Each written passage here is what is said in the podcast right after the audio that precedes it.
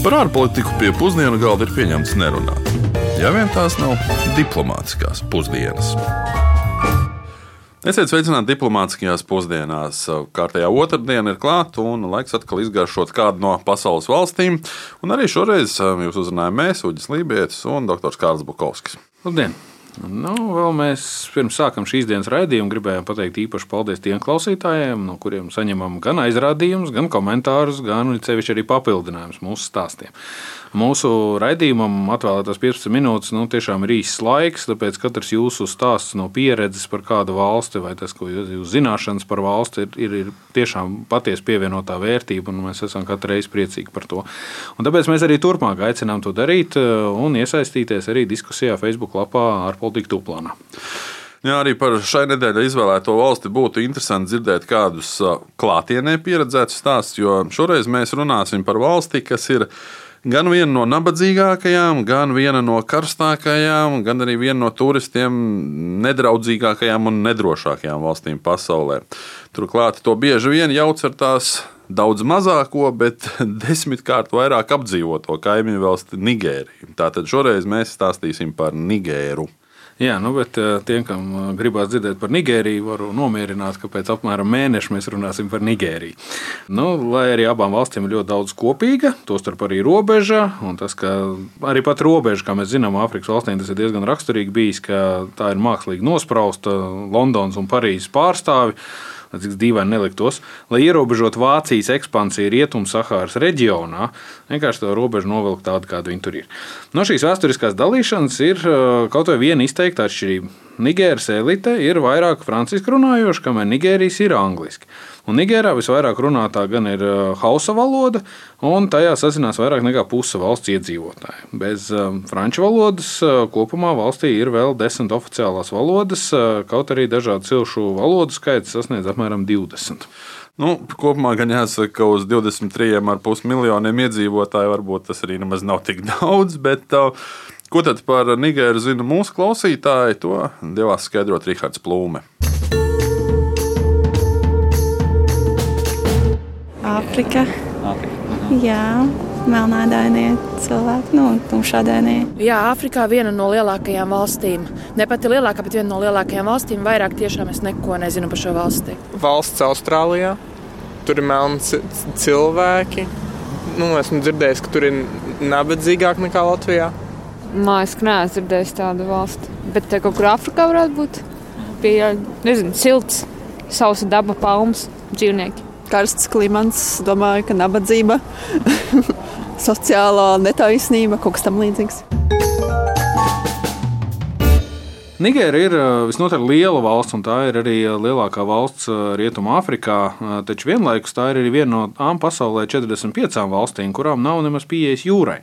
Un ir saprotams, ka šādām valstīm nāks saskarties ar ekonomiskiem izaicinājumiem, jo nu, saražotie produkti ir mazāk konkurētspējīgi, tīri elementāri tos vienkārši ir grūtāk nogādāt līdz ostām. Šī gadījumā konkurētspēju mēs mēram tādā, cik izmaksā tā produkta transportēšana. Un par ūdeņiem runājot, arī kāds interesants fakts par Nigēru. No 1,27 miljoniem kvadrātkilometru lielās teritorijas tikai 300 kvadrātkilometru aizņem ūdens.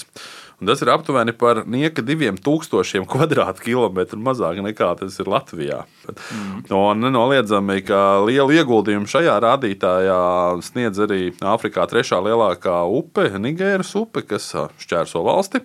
Un tieši šīs upes tūmā arī dzīvo pārliecinoši lielākā daļa no valsts iedzīvotājiem. Nu, galvenokārt tāpēc, ka krasti ir ļoti nu, bagātīgi un ražīgi. Bet šie iedzīvotāji galvenokārt pārtiek no pašu izaudzētām dažādiem graudaugiem un arī mājlopiem. Tiek uzskatīts, ka Nigērijā ir vismaz divas lielas problēmas. Vispirms jau ārkārtējā nabadzība un arī augstā nedrošība, fiziskā nedrošība, kas valstī eksistē. Un, un šīm nedienām noteikti var pieskaitīt arī koronavīrusa radītās problēmas, kas daudz Āfrikas valstis skar īpaši sāpīgi. Nu, mēs esam arī to minējuši iepriekš. Nu, te, protams, ir jāpadomā un jāpaturprātā, ka nu, šajā valstī, kur mēs esam, mums ir sapirktas daudz vakcīnas, un cilvēki atļaujās izvēlēties, vai vakcinēties vai nē. Bet nu, ļoti daudzās pasaules valstīs cilvēki ļoti gribētu un viņiem vajadzētu vakcinēties, bet viņiem vienkārši joprojām nav nevienas vakcīnas bijušas pieejamas. Nu, nu, tu nepieminēji vēl vienu lielu problēmu. Vismaz man tā būtu problēma, ir karstums. Proti, Nigērā vidējā gaisa temperatūra ir ap plus 28 grādiem. Un, un, un, un, To nav nemaz tik grūti iedomāties, ņemot vērā, ka četras piekdaļas no visas valsts teritorijas aizņem Sahāras tūkstnesis. Nu jā, bet visai loģiski, ka valstī, kur apmēram 40% no iekšzemes koprodukta nodrošina lauksaimniecības, dabas apstākļiem ir fundamentāli svarīga nozīme. Jā, un uh, biežais sausums noteikti nenāk par labu ne iedzīvotājiem, ne arī ekonomikai. Un tas ir izskaidro to, kāpēc Nigēra ir viena no nabadzīgākajām valstīm pasaulē, nu, mērot IKP uz vienu iedzīvotāju pēc pirktspējas paritātes. Kāds izskatās skaidros, uh, nu, Nigērai šis rādītājs ir nedaudz virs 1000 eiro. Salīdzinājumā Latvijai nedaudz vairāk par 26 tūkstošiem.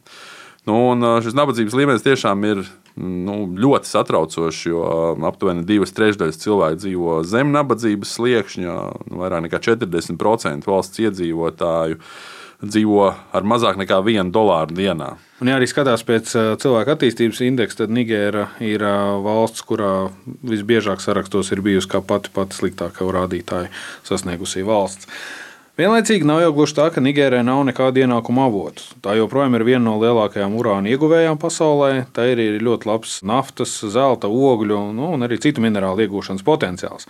Nu, ja vien būtu nauda, ko ieguldīt rūpniecībā un attīstībā, pēc pašlaik ir nu, jāiztiek ar ļoti primitīvi aprīkotām raktuvēm, kuras no vienas puses nodrošina darbu vietējiem iedzīvotājiem, bet no otras puses piesaista cilvēks nu, ar tiem labākiem nodomiem.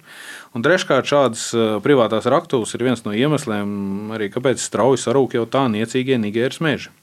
Šeit gan arī ir jāpiebilst, ka pēdējo desmit gadu laikā Nigēra patiesībā pat ir piedzīvojusi ekonomisku augšupeju, un tas lielā mērā ir pateicoties nu, jau bijušajam prezidentam Mahadu Isufu kurš spēja novērst dažādus etniskos konfliktus, nu, piemēram, ieceļot Tuaregu cilšu līderi par premjerministru vai piešķirot augsts amats arī citu cilšu pārstāvjiem.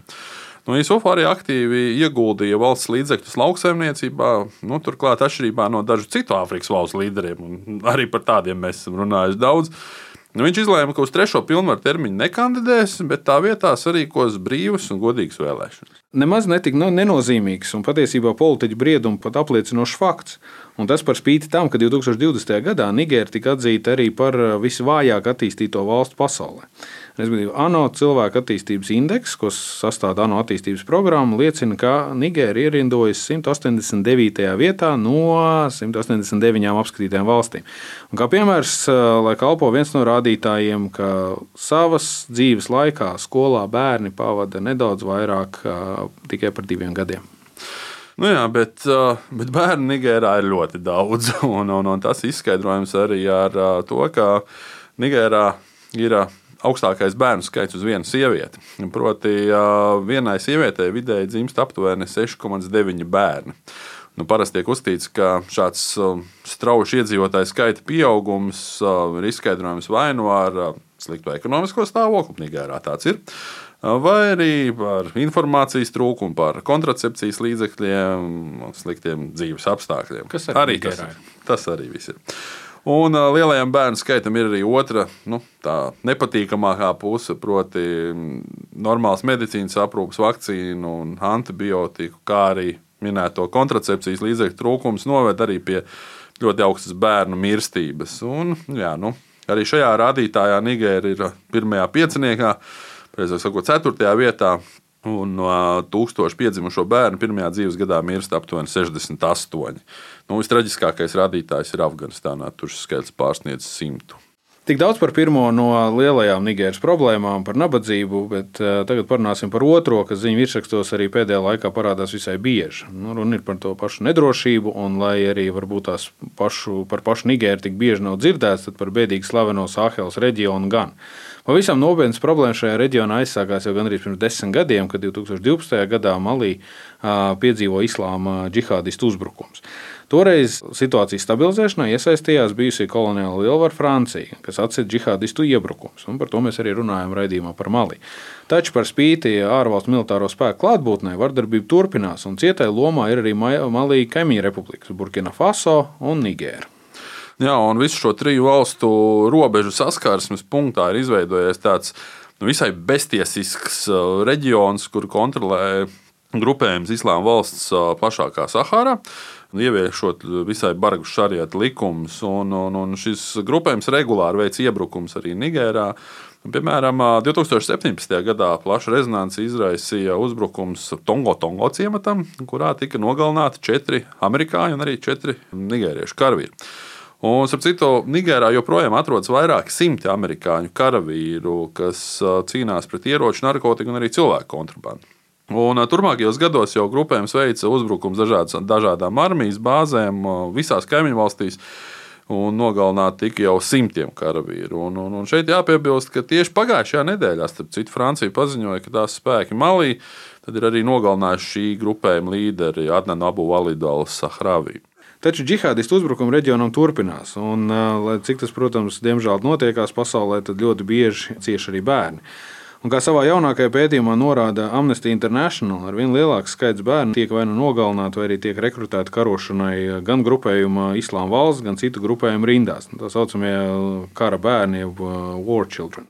Nu jā, šie visi faktiski ir kara noziegumi, un ja par šo fenomenu kāds vēlās paskatīties vairāk, ir filma nosaukuma Beasts of No Nation, kurā ļoti, ļoti precīzi ir atspoguļota šo bērnu dzīve.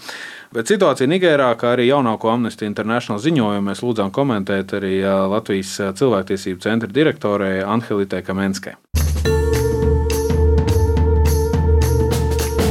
Nigēra virknē rādītāju attiecībā uz bērniem ieņem pēdējo vietu pasaulē. Un tādā UNICEF pētījumā par apstākļiem bērniem izdzīvot un attīstīties Nigēra ieņem 177. vietu no 180 valstīm un 63% neapmeklē skolu. Tas ir augstākais īpatsvars pasaulē. Nigērā ir arī augstākais bērnu laulību īpatsvars pasaulē. 76% meiteņu appreces pirms sasniedz 18 gadu vecumu. Un, protams, konflikti pierobežā ar Mali un Burkina Faso ir bērnu stāvokli tikai um, pasliktinājuši, īpaši šogad. Un jāatgādina, ka starptautiskās humanitārās tiesības aizliedz uzbrukums civiliedzīvotājiem, īpaši bērniem, un neatkarīgi no tā, kāds būtu bruņotais konflikts vai starp uh, valstīm vai valsts iekšienē, nu, ar valdības armijai, gan uh, nevaldības bruņotajiem grupējumiem ir pienākums izvirzīt bērnu labklājību par prioritāti. Starptautiskās humanitārās tiesības aizliedz arī uzbrukums skolām. Un e, šogad, dažos mēnešos, ar islāma valsts saistītie grupējumi ir uzbrukuši un nodedzinājuši 377 skolas. Un šie bruņotie grupējumi, kas galvenokārt ir bāzēti Malī, arvien vairāk uzspiež represīvas e, ierobežojumus nu, viņi nāk ar striktu islāma interpretāciju attiecībā uz izglītību, uzskata to par rietumu produktu un mēģina iebiedēt skolotājus un uh, dedzina skolas. Un, uh, protams, bērnus arī īpaši skar dažādas šo bruņojumu aktivitātes uh, pierobežas reģionos, mēģinājumi uzspiest vietējiem iedzīvotājiem nodokļus, kas izpaužas to, ka uh, nu, iedzīvotājiem ir jādod um, savi lopi vai savas graudaugu ražas. Ja tas netiek darīts, tad uh, lopi tiek aizdzīti, graudaugu noliektavas nodedzinātas, cilvēki ir spiesti pārvietoties, un, protams, tā kopējā situācija arī klimata pārmaiņas fakts, kad 80% uh, no Nigēras teritorijas klāja Sahāras tuksnesis un pieaug ar vien vairāk konfliktu cīņā par pieeju ūdens resursiem un arī um, lauksaimniecībā izmantojamām zemēm. Tas arī skar uh, bērnus. Jā, kādā komentārā par situāciju Nigērā es lasīju kādu, manuprāt, nu, visai absurdu apgalvojumu, jeb varbūt pat tādu naivu cerību. Proti, laikā, kad arī Nigēras iedzīvotāji, īpaši jaunākajai paudzei, pavērs iespēju piekļūt internetam, palielinoties iespēju, ka šie cilvēki saskatīs jaunas izaugsmas iespējas un vairāk domās par ieguldīšanu valsts nākotnē. Un vienlaicīgi mums ir jālasa par to, ka šajos nabadzības apstākļos bērnu jauniešu pievilināšana karošanai džihādistu rindās ir tik vienkārši kā piedāvājot pārtiku, naudu vai apģērbu. Nu, nu, tā vien izstāsta, ka idealizēta nākotnes plāna bieži vien atduras pret tukšiem laukiem, tukšu vēderu un tukšām kabatām. Nu jā, Nigēras, Nigēras piemērs noteikti parāda to, ka pasaulē vēl joprojām mēs dzīvojam ļoti daudzās un dažādās realitātēs. Lai cik būtu paēdis, vienmēr ir vieta arī desertam. Sen mums saldējā ēdienā nav nekas bijis par saldējiem ēdieniem. Tā man liekas, ka arī šoreiz, diemžēl, nebūs. Jo no nabadzībā un badā cietošas valsts to arī nevaram prasīt. Bet meklējot informāciju par kādiem saldumiem, uzdūros televīzijas kanāla France 24 pirms dažiem gadiem veidotajam sižetam par to, ka daudzās Nigēras pilsētās gluži kā saldums uz ielām varot nopirkt pilnīgi jebkādus medikamentus. Bez receptēm, glabāts ar nepiemērotos apstākļos, bet daudz lētāk nekā aptiekās. Starp citu, tiek rēķināts, ka apmēram 75% no visiem valstī ievestajiem medikamentiem nonāk tieši melnajā tirgu. Turklāt ielu tirgoņi esot gatavi sniegt nu, tā, ļoti pēdiņās profesionālas konsultācijas par jebkuru kaiteri. Jā, bet mēs katrā ziņā neaicinām eksperimentēt ar uz ielas pirktiem medikamentiem. Tāpēc mēs kā vīrieši cilvēki varētu parunāt par uh, tādu Gerevolu festivālu, kas tiek svinēts uh, arī vairākās Nigēras kaimiņu valstīs. Uh, taču lielākais šis festivāls notiek tieši Nigērā, Ingailas pilsētā. Un Pēc lietas sezonas šeit pulcējas lopkopi no Vodābe cilts, Toregi un arī citu grupu pārstāvi. Un, uh, tas faktiski ir skaistuma ko, konkurss, kurā uh, poligāmās Vabādē Fula cilts vīrieši īpaši saģērbušies un izkrāsojušies dažādos tradicionālos ornamentos, sastājas rindās, dejot, dzied un cenšas pievērst neprecēto meiteņu uzmanību. Un, par vīriešu skaistumu ideāli tiek pirmkārt uzskatīts, ka ja vīrietis ir garš, viņam ir balts acis un balts zobi. Nu jā, tāpēc arī šīs ceremonijas laikā vīrieši īpaši izvalba acis un plati smaida, lai savas dotības nodemonstrētu, nu, cik vien iespējams efektīvi. Un, Nu, paralēli šim skaistuma konkursam gan notiek arī, nu, piemēram, tirgošanās par līgaus pūru vai kameļa skriešanās sacensības, bet nu, šādas svinības turpinās aptuveni nedēļu. Un nu, parasti gan arī to norises laiks tiek turēts noslēpumā līdz pat pēdējiem brīdim, bet nu, vispār tas tradicionāli notiek tieši septembra beigās. Ja jūs vēlaties redzēt, eh, kāds izskatās šis skaistuma konkurss un tā slavenā dēļa, to noteikti varat atrast gan YouTube, gan arī eh, šī mūsu raidījuma saitē Latvijas radio mājaslapā. Nu, izklausījās jau pēc reklāmas, bet nu, ar to mēs arī eh, noslēdzam tādu sal, saldskāps vai deserts ar skābu un piegaršu. Mums šoreiz nedaudz sanāk, bet nākamnedēļ dosimies uz vienu no klusā okeāna reģiona attīstītākajām valstīm ar izcilām regbija tradīcijām. Dosimies uz Fidži. Bet ar to arī šoreiz raidījumu noslēdzam un atgādinām, ka šo un arī citus raidījumus varat jebkurā sev piemērotā laikā klausīties gan Latvijas Rādio 1 mājaslapā, gan savā iecienītajās raidierakstu, jeb podkāstu straumēšanas vietnēs. Ar jums kopā bija Juģis Lībijams un Kārls Bukovskis, un tiekamies jau pēc nedēļas. Lai izdodas!